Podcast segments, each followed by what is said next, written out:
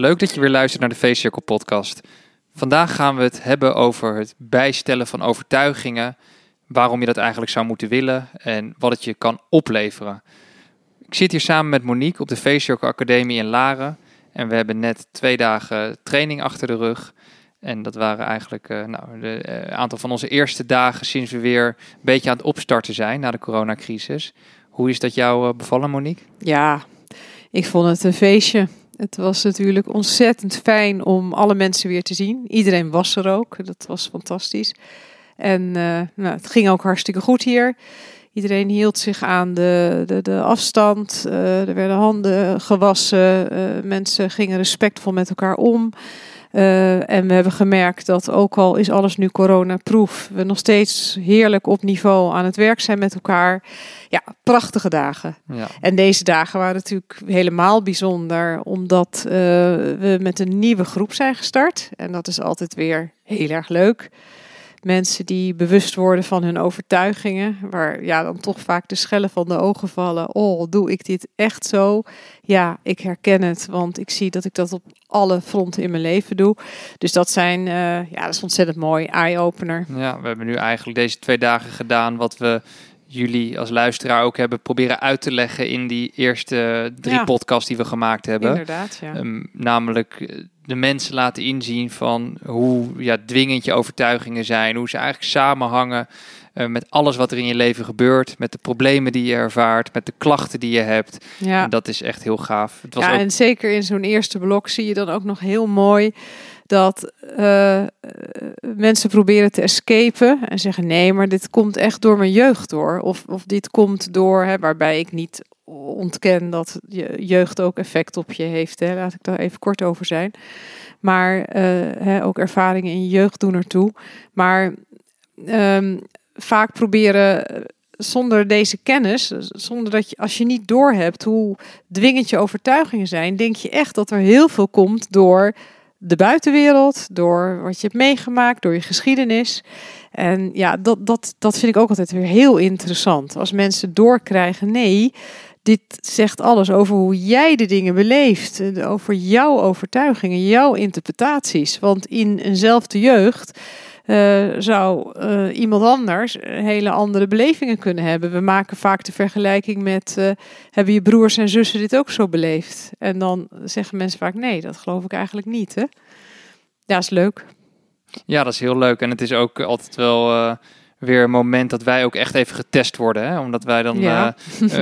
best, wij moeten daar natuurlijk doorheen. Kijk, ja. een, mens is, uh, heeft overtuigingen, maar is mhm. inderdaad ook in bepaalde mate een product van de omgeving. Tuurlijk. Heeft bepaald gedrag ook aangeleerd. En voor aan ons dan de taak om ja, daar eigenlijk de onderste steen boven te krijgen. En uh, echt op tafel te krijgen, oké, wat zijn hier nou de kernovertuigingen? Ja. En dat is ook de reden dat we nou nu eigenlijk de eerste drie podcasts zoveel aandacht hebben besteed aan die fase van het, ja. van het ja, we noemen het dan maar even het coachingstraject, de diagnosefase. Want ja. wij geloven er dus in, dat mag inmiddels wel duidelijk zijn, dat je echt beter met mensen kan werken als je heel erg goed begrijpt wat de, de wereld is waarin die persoon leeft. Nou, die wereld die heeft natuurlijk alles te maken met die overtuiging.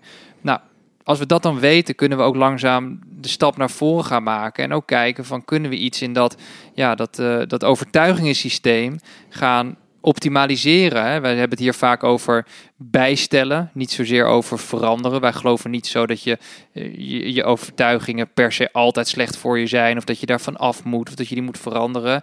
Nee, we hebben het vorige keer ook even kort benoemd. Wij praten graag over beperkende overtuigingen. Ja. Dat zijn overtuigingen die je dan meer kosten dan dat ze je opleveren.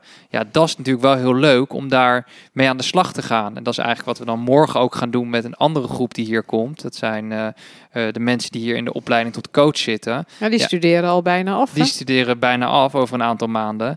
En die moeten dus leren van oké, hoe krijg je nou mensen in beweging. In beweging, die wel op een gegeven moment weten: oké, dit zijn mijn overtuigingen. Nou, dat is een hele belangrijke eerste stap. Dan ook daar een eh, soort van gemotiveerd voor zijn. Van nou, ik zou daar wel eens aan willen, uh, aan willen sleutelen, dat willen optimaliseren. Maar ja, dan ben je er eigenlijk nog niet. Nee. En daar willen we het vandaag over hebben. Van hoe werkt dat dan uh, om toch ervoor te zorgen dat een stap die jij wil zetten in je leven, dat dat een succes gaat worden. En kunnen we daar een aantal, misschien ook wat tips of ja, eh, adviezen meegeven aan jullie? Van hoe kan je nou die, die kans op een succes vergroten? Ja, dat is inderdaad precies waar het nu over gaat. Want ehm, ja, je, je, we, we beseffen, eh, dat hebben we langzamerhand wel geleerd door schade en schande, dat het geven van tips en tricks werkt maar even. Maar een ehm, overtuiging bijstellen, waardoor iemand echt gaat geloven: oh, het kan dus ook zo aflopen, het kan dus ook zo gaan.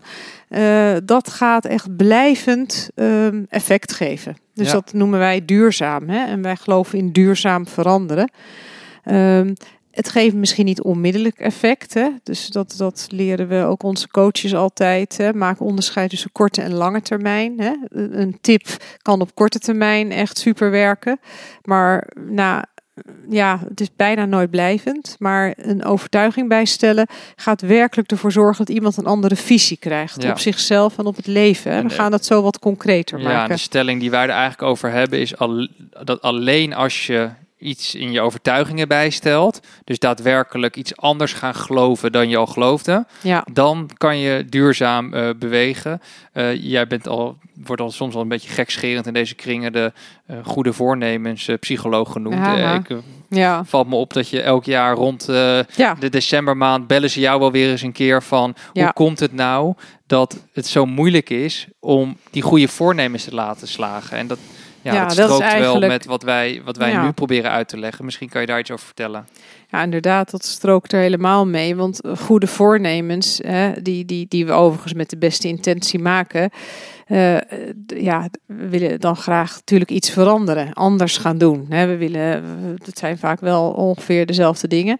Eh, minder eten en drinken. We willen liever zijn voor onze naasten. Sporten. We willen eh, sporten bovenaan. Ja, Ja, meer bewegen, sporten. Ja, de, dus ehm, eh, dat is interessant, want we geloven dat ook. Hè? Als wij op 31 januari het glas heffen en zeggen... 31 december. "Ah, dat is echt iets voor mij om Ja. daar weer... Ik ben altijd zo slecht in tijd.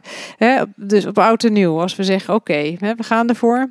Eh, ik ga meer sporten, dan geloven we het ook echt. we willen het ook echt. We willen het ook echt. En hoe kan het dan dat eh, je vaak al eind januari, dat is dan wel 31 januari, eh, dat je dan merkt dat de klad er alweer in zit? Ja, Ja, omdat het ook dan hebben we het over een overtuiging die in de weg zit. Ik bedoel, als eh, bijvoorbeeld, als je ervan overtuigd bent, ja, het is allemaal leuk dat sporten, maar het is eigenlijk nog belangrijker dat je hard werkt, carrière maakt, veel neerzet en je bent elke dag 12 uur aan het werken. Dan kan het zomaar zo zijn dat je aan het sporten niet meer toekomt. nee, dan is iets anders belangrijker. Dan is iets anders belangrijker. Ja. En dan kom je eigenlijk een beetje in dat, die- die- dat scenario wat we misschien allemaal wel kennen van dat komt daarna wel. Dat Ja. komt later wel. Ik moet eerst even mijn overtuiging Ja, precies. sussen en dan ga ik dat wel doen. Maar om maar gelijk daar, daar eventjes een twist aan te geven, zou je eh, deze persoon kunnen motiveren om te zeggen, nou luister, door te zeggen, luister, als je die overtuiging nou een beetje bijstelt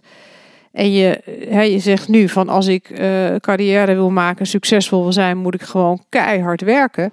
Maar wij gaan jou uitdagen en zeggen, joh, juist als je goed voor je lichaam zorgt, dus regelmatig beweegt en sport, dan kan je nog veel meer bereiken. Dan zou het zomaar kunnen zijn dat zo iemand dat sporten gaat integreren. Ja, dat is Maar- een andere, andere, andere denkwijze. Ja, maar het moet wel al een beetje passen bij het wereldbeeld van zo iemand. Hè? Want deze persoon kan je niet afnemen dat hij blijkbaar carrière wil maken, heel veel wil neerzetten.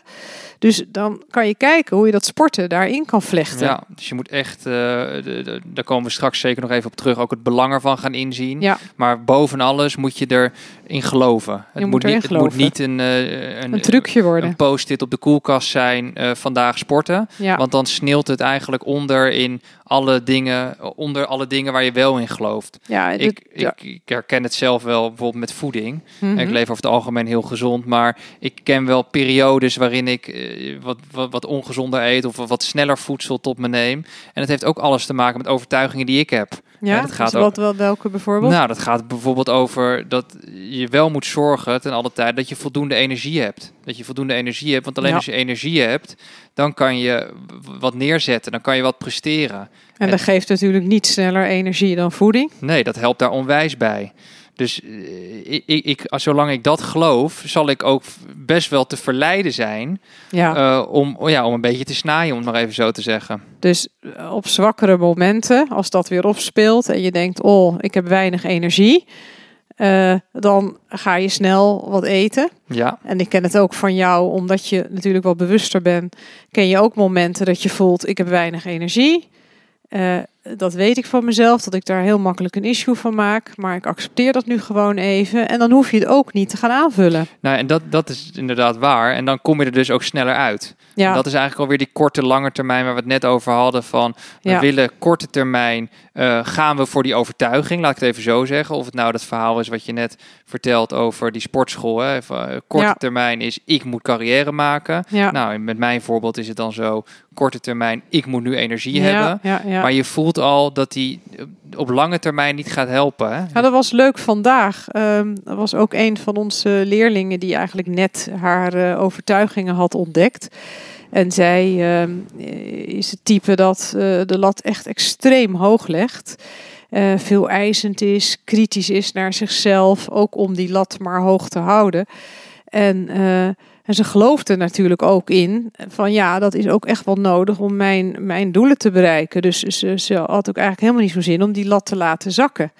En eh, wij legden haar uit dat het misschien voor haar, want het meisje was echt wel heel gespannen, beter was om misschien die lat iets te laten zakken, wat milder voor zichzelf te worden, iets minder kritisch.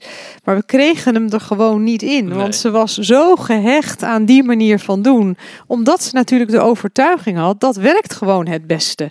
Eh, als ik op deze manier opereer, dan kan ik het gewoon goed doen. Dan kan ik het zelfs perfect doen. Dat woordgebruik dus ook. Dus ik wil die lat helemaal niet laten zakken. Dus daar zie je al de weerstand om een overtuiging bij te stellen. Terwijl iemand wel onwijs veel last heeft van een overtuiging. Hè? En daar hebben wij best vaak mee te maken. En dat is wel wat mensen willen. Hè? Ik wil wel veranderen, ik wil niet veranderen. Ja. Ik wil wel naar de psycholoog om even lekker te praten. Maar ik moet niet gaan morrelen aan mijn eh, normen en waarden en aan mijn overtuigingen. Want dat is dan toch wel ja, heilig voor iemand. En ja, dat bescherm je echt Ja. eh, met, je, met je leven. Met je als het leven. Ja. Ja, en, en, en dit was een heel mooi voorbeeld van ehm, korte lange termijn. Want wij weten dat ze op korte termijn het natuurlijk super spannend voor haar is om die lat wat te laten zakken. Wat minder kritisch te zijn. Maar dat ze op lange termijn eigenlijk nog veel betere resultaten zal gaan krijgen. Ja. Hè? Omdat ze natuurlijk veel, omdat het gewoon veel realistischer is. Ja. Hè?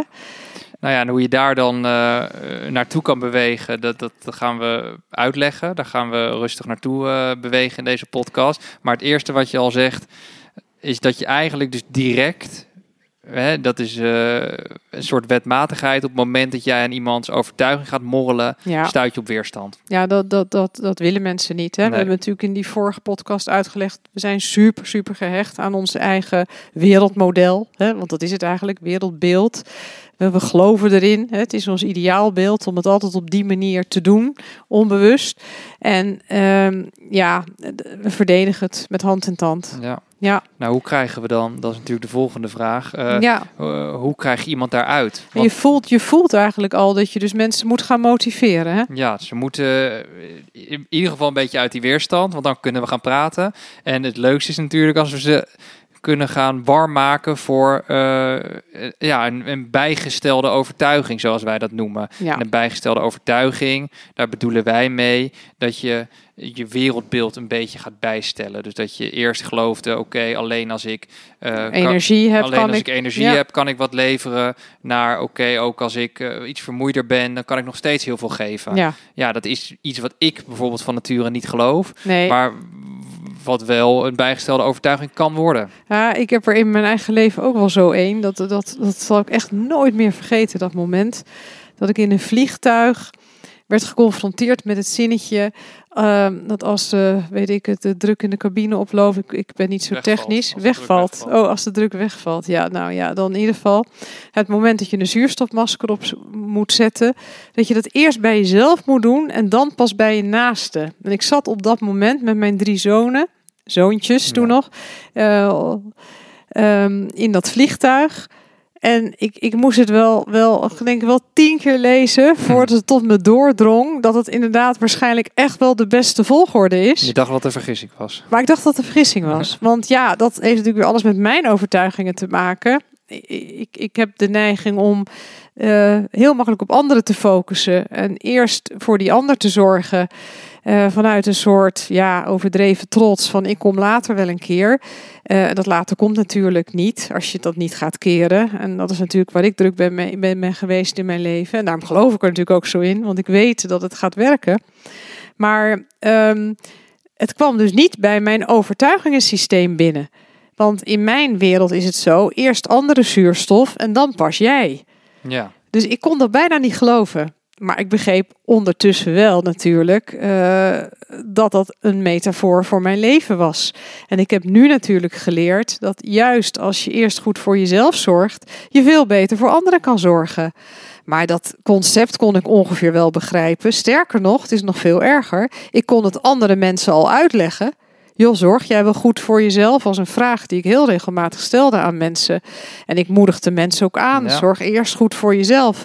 Maar dat het toevallig ook op mij zou kunnen slaan. Nou, dat heeft best even geduurd. Ja. Dat is mijn levenswerk, zullen we maar zeggen. Ja. En nog steeds moet ik daar heel bewust, want dat blijft, ook al heb ik die overtuiging bijgesteld, van eerst de ander dan ik, naar oké, eerst nu ik. En dan kan ik er juist zijn ook voor anderen, want dat wil ik nou eenmaal graag. Ja. Nou, dat mag ik ook best blijven doen, maar dan wel in een betere volgorde. En dat blijft natuurlijk je levenswerk. Want altijd wel weer word je verleid om die overtuiging te verlaten. Maar omdat ik er zo van overtuigd langzamerhand ben dat het andere beter voor me is, ja, leef ik er nu naar. Maar dat duurt. Dat, Ja, dat is, duurt. Eerst heb je, denk je nee, dat is die weerstand. Dan denk je, oké, hier zou wel wat in kunnen zitten. Dan heb je het concept wel aardig door. Ja. En dan moet je eigenlijk heel rustig gaan oefenen om dat je eigen te maken. Ja, ja, dat zijn de stappen inderdaad. Nou, mooi dat je dat ook, eh, dat, dat je dat ook zo deelt.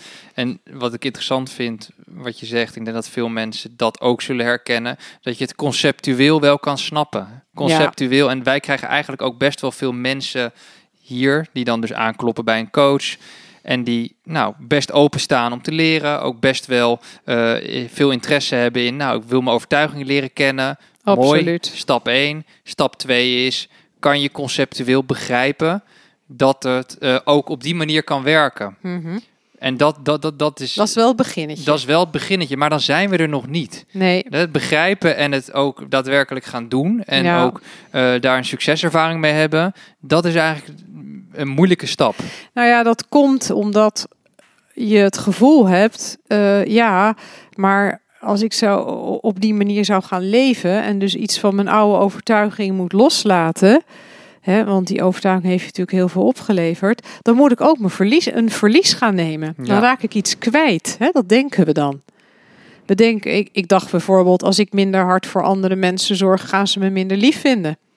Dan eh, heb ik minder verbinding met mensen. Dan, nou ja, die mevrouw vanmiddag dacht, ja, als ik die lat lager leg, dan ga ik veel meer fouten maken. Dan ga ik vast niet meer zo goed, eh, eh, ja, ge- gewaardeerd, ga ik niet, vast niet meer zo gewaardeerd worden door mijn collega's als nu. Ja. Dus, dus je hebt het gevoel, als ik ga leven volgens een bijgestelde overtuiging, dan moet ik een stukje inleveren Ja, van dan gaat het me wat kosten, zeggen gaat me wij wat dan. kosten. Hè, Je moet een verlies Ja. nemen, het gaat je wat kosten. Ja. En eigenlijk zijn we niet zonder meer bereid om die prijs te betalen. Nee. We overdrijven hem wel, hè, want op zich is het niet logisch Nee, dat eh, eh, je dan direct heel veel meer fouten gaat maken. Maar we hebben vaak dus goed contact met die kostenkant. Ja, Nou, en wat wij dan dus vaak doen hier, is eh, ook die batenkant onderzoeken. Ja we maken een kosten-batenanalyse. Een kosten-batenanalyse. De mensen die eh, met ons werken of die hier opleiding hebben gedaan, die zullen nu direct eh, begrijpen wat wij bedoelen. Mhm. Maar waar wij dus- wat wij er dus mee bedoelen is ehm, om een wat objectiever beeld te krijgen van die overtuiging en hem echt goed te kunnen toetsen. En dat kan je ook bij jezelf doen. Ja. eh, af en toe tegenover de, de kosten ook de baten zetten. Want we weten gewoon, het kan nooit zo zijn dat iets je alleen maar wat kost. En het kan ook nooit zo zijn dat iets je alleen maar wat oplevert. Nee, neem iets simpels als uh, ja, af en toe eens even lekker snaaien of te veel eten. Of, of eh, hè, sommige mensen houden heel erg van, van zoet, andere mensen houden misschien van een, een drankje te veel. Je weet als je ermee stopt dat het misschien beter is. Maar ja, het kost je ook wat. Ja. Uh, hè, je moet er dus wat meer zelfbeheersing dan hebben. Het wordt misschien wat saaier. Het is, dus het is altijd een kostenbatenplaatje. En dan hopen we natuurlijk uiteindelijk dat de baten hoger zijn dan de kosten. En we moeten eigenlijk de klant zo ver zien te krijgen. Uh, en niet omdat hij dat van ons moet, maar omdat we echt zien dat een klant lijdt onder zijn eigen overtuiging. Aan zijn eigen overtuiging proberen we de klant te laten zien uh, en hij nog niet zo goed weet, hè, ook wat het op gaat leveren. Dat is ook zoiets. Hè. Je weet op dat moment wel wat het je kost, maar je hebt dan misschien niet helemaal niet zo'n goed idee van, oh, het kan ook echt wat op gaan leveren en echt een verbetering in mijn leven gaan betekenen. Dus we moeten de klant wat helpen om ook contact te gaan maken met de baten. Ja, omdat je het ook vaak simpelweg niet weet. Nee, je weet het Je bent nog niet in die situatie geweest. Als we Nee. weer teruggaan naar het sporten, Nee. als jij nog nooit je echt in je leven wellicht echt fit hebt gevoeld, Ja. eh, uitgerust, eh, in goede conditie, ja, dan heb je misschien wel contact met wat het je gaat kosten. Hè? Ik moet mijn eh, sportspullen inpakken, ik moet naar de gym, Ja. eh, het is weer een uur dat ik niet kan werken. Dat is niet zo moeilijk. nee, Dus dan dat moet ken je. Ja, dus dat ken je. En dat andere ken je eigenlijk niet. En daar is eigenlijk wel een belangrijke rol weggelegd voor de coach. Ja. Want daar moet je soms iemand een beetje bij helpen. ja, want op dat moment strijden twee overtuigingen met elkaar. En, en strijdt ook het onbewuste met het bewuste. Want de intelligente, bewuste eh, kant in jou, die weet echt wel, het zou wellicht toch wel verstandiger zijn om het op die nieuwe manier te doen. Ja. Maar die onbewuste drijfveer, die onbewuste overtuigingen, die, die, die gaan jou tegenhouden. Die zeggen, joh, blijf nou gewoon doen wat je gewend bent om te doen. Ja. En we zijn ook gewoontedieren, want dat is veilig. Hè? Ja. Maar goed, als we dan die kosten-batenanalyse hebben gemaakt en de baten zijn eh, groter, de klant ziet, ja, ik weet eigenlijk niet hoe, maar ik snap echt wel dat ik het latje lager moet leggen. Ik snap echt wel dat het leuk is om klaar te staan voor anderen, maar dat je dan eerst goed voor jezelf moet zorgen. Eh, ja, ik snap Zo het. werk je aan motivatie. Ja, Ja. en hè, dat is voor ons mensen motiveren betekent bij ons dat je mensen gaat helpen om op een goede manier een, een overtuiging bij te stellen. En een goede manier betekent ook dat je niet een al te grote stap gaat maken. Want daar schrikken mensen natuurlijk ook van. Hè? Ja. Het kan ook. eh, dus, dus als we de overtuiging hebben bijgesteld, nou laten we die eens even pakken met die zuurstof dan. We zitten toch op die, die tour. O- als je klaar staat voor mensen, dan vinden ze je aardig. Eh, als je klaar staat voor jezelf, dan vinden mensen je nog steeds aardig. Nou, dat kan je in het begin helemaal niet geloven. Maar door daar een beetje mee te gaan oefenen, ga je dat op een gegeven moment toch ook wel in je systeem krijgen. hè? Ja, en eigenlijk wat je net zegt, ehm, niet een te grote stap maken. Nee, Dat is echt cruciaal. En misschien is dat wel eh, ongeveer de belangrijkste boodschap die we vandaag willen geven. ja, Dat, kijk, eh, een, een transitie, iets bijleren. En zeker iets wat je nog niet zo vaak gedaan hebt in je leven. Gaat in hele kleine stapjes. Ja. En het is echt van cruciaal belang. Of je nou eh, eh, coach bent of zelf iets wil veranderen in je leven. ja. Dat je dat heel geleidelijk doet. Nou, dat is voor de, de luisteraars ook wel een goede tip. Hè? Als je iets wil veranderen, hoe, wat het ook is. Of het nou is minder, minder snoepen, minder, meer dit of meer dat. Dat je een heel klein stapje maakt. Dat je echt denkt, nou, dit is, dit is, dit is piepklein. Ja. Dan is het waarschijnlijk een goed stapje. Ja, inderdaad. En waarom zeggen we dat altijd? Omdat aan die andere kant, hè, het moment dat jij een te grote stap gaat maken, is de kans levensgroot dat je naar een ervaring toewerkt, waarbij je onderaan de streep zegt, zie je wel, ik had mijn oude overtuiging moeten houden. Ja, Onbewust zijn we als mensen gek op zie je wel ervaringen. Hè? Ja. Dus zie je wel, sporten is ook niks voor mij. ja, Zie je wel, ik moet ook niet zo egoïstisch zijn. Zie je wel, ik moet gewoon hard werken, want dan eh, verdien ik eh, mijn promoties. Het is, ja. daar, daar zijn we gek op. ja dat, dat klopt. Want we willen natuurlijk eigenlijk onbewust ons eigen wereldbeeld weer kloppend maken. Ja, We, we, we willen eigenlijk dat we gelijk hebben. ja, Uh, dus dat, dat, dat hoort er ook bij. Hè? Uh, daarom maken we vaak reuze stappen. Hè? Dan is iemand die alle feestjes afloopt omdat hij zegt: Nou, uh, ik wil zoveel mogelijk uit het leven halen en helemaal niks missen. Die gaat dan zich heel een soort sabbatical doen en zeggen: Nou, ik ga naar geen enkel feestje meer. Ik ga mezelf helemaal onthouden van alle prikkels. Ja, dat hou je dan ook precies even twee, drie weken vol. Om dan daarna weer keihard te gaan. Want ja, uh, je gaat in die weken natuurlijk ook voelen, wow, ik mis echt van alles. Ja, uh, ja uh, dat noemen wij te veel van je uitdaging. Ja, het is je te hebt veel. het je hele leven op die manier gedaan. Ja. Hè? De, de fear of missing out. We kunnen, er zullen veel mensen zijn die het wel kennen ergens.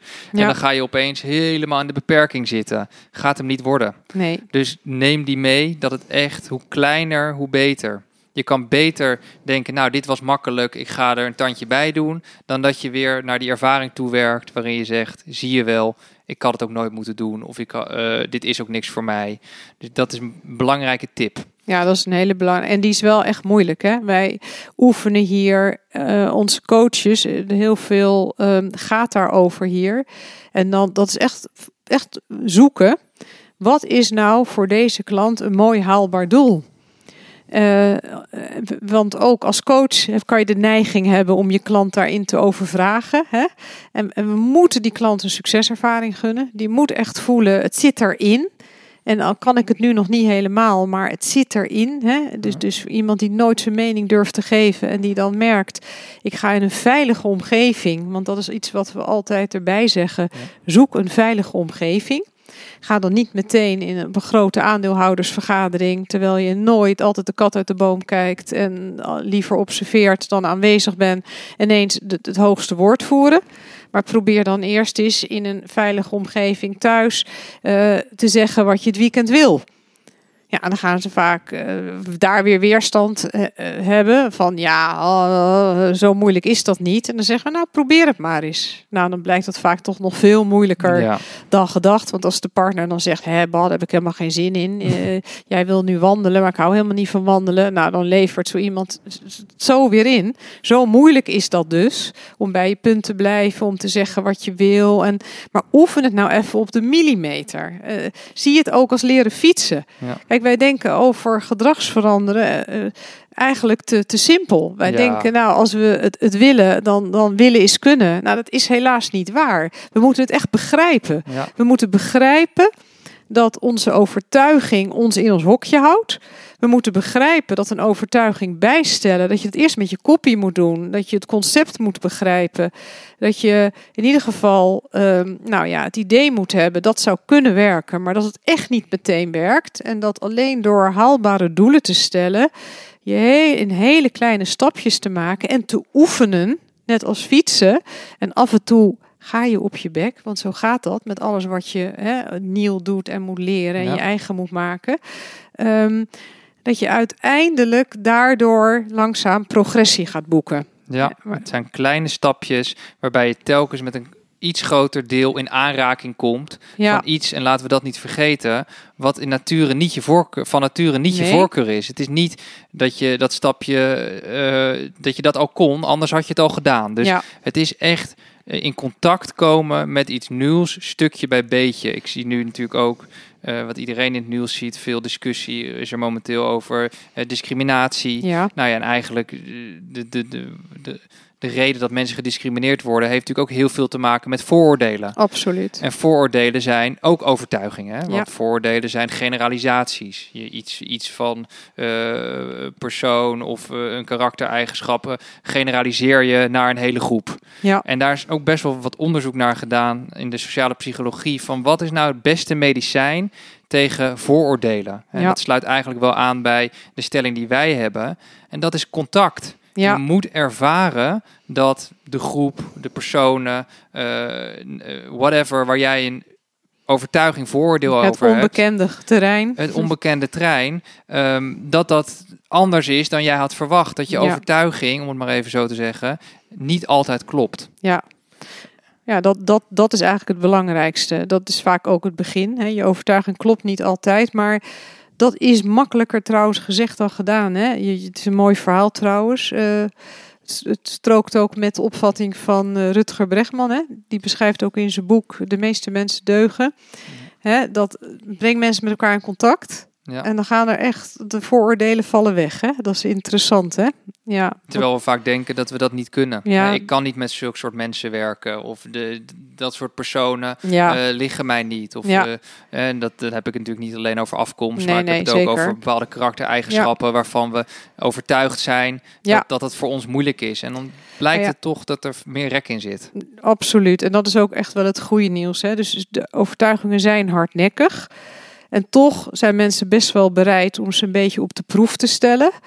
Uh, en weet je, daarbij helpt het al als je het herkent van jezelf. Als je weet van jezelf, oké, ik heb nou eenmaal, zoals jij net vertelde, een issue met energie. En makkelijk het gevoel, heb ik wel voldoende energie. En ik weet van mezelf, ik heb een heel makkelijk het idee, oh, ik schiet tekort. Als je het weet van jezelf, dan pakt het je al niet meer zo heel erg dan ben je bezig met die nieuwe overtuiging te oefenen en denk je nee, ik schiet niet tekort, want het is ook belangrijk dat ik goed voor mezelf zorg. En als je dan even toch weer, want de, de, de, het universum daagt je uit als mens altijd weer.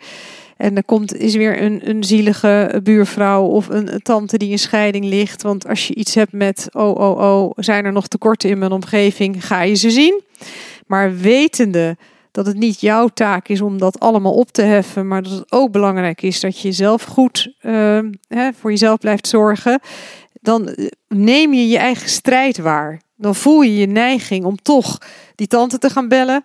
Uh, naar die, uh, ja, die tekorten te gaan vullen. Terwijl je aan de andere kant je bewuste ik zegt, doe nou wat verstandig is. En dat is misschien nu wel eventjes zelf opladen en zelf zorgen dat je weer uh, lekker in je vel zit. Uh, dan, door die strijd waar te nemen, door je oude en nieuwe overtuiging met elkaar te zien vechten, gaat uiteindelijk die bijgestelde overtuiging het toch langzaam maar zeker overnemen. Ja. En voor je het weet, en dat zeggen ook alle mensen die hier een tijdje werken aan hun bijgestelde overtuiging, wordt dat je overtuiging. En ga je die normaal vinden. Dat is heel grappig, want dat is waarom we zeggen het is duurzaam. Er is dan eigenlijk geen weg meer terug. Je valt wel eens terug. Ja, we vallen allemaal wel eens terug. We zijn mensen. Maar je wil eigenlijk ook echt niet meer terug, omdat je er ook niet meer zo in gelooft. Dus dat is het duurzame. Ja, en eigenlijk wat je daarmee ook zegt is: het kan en en.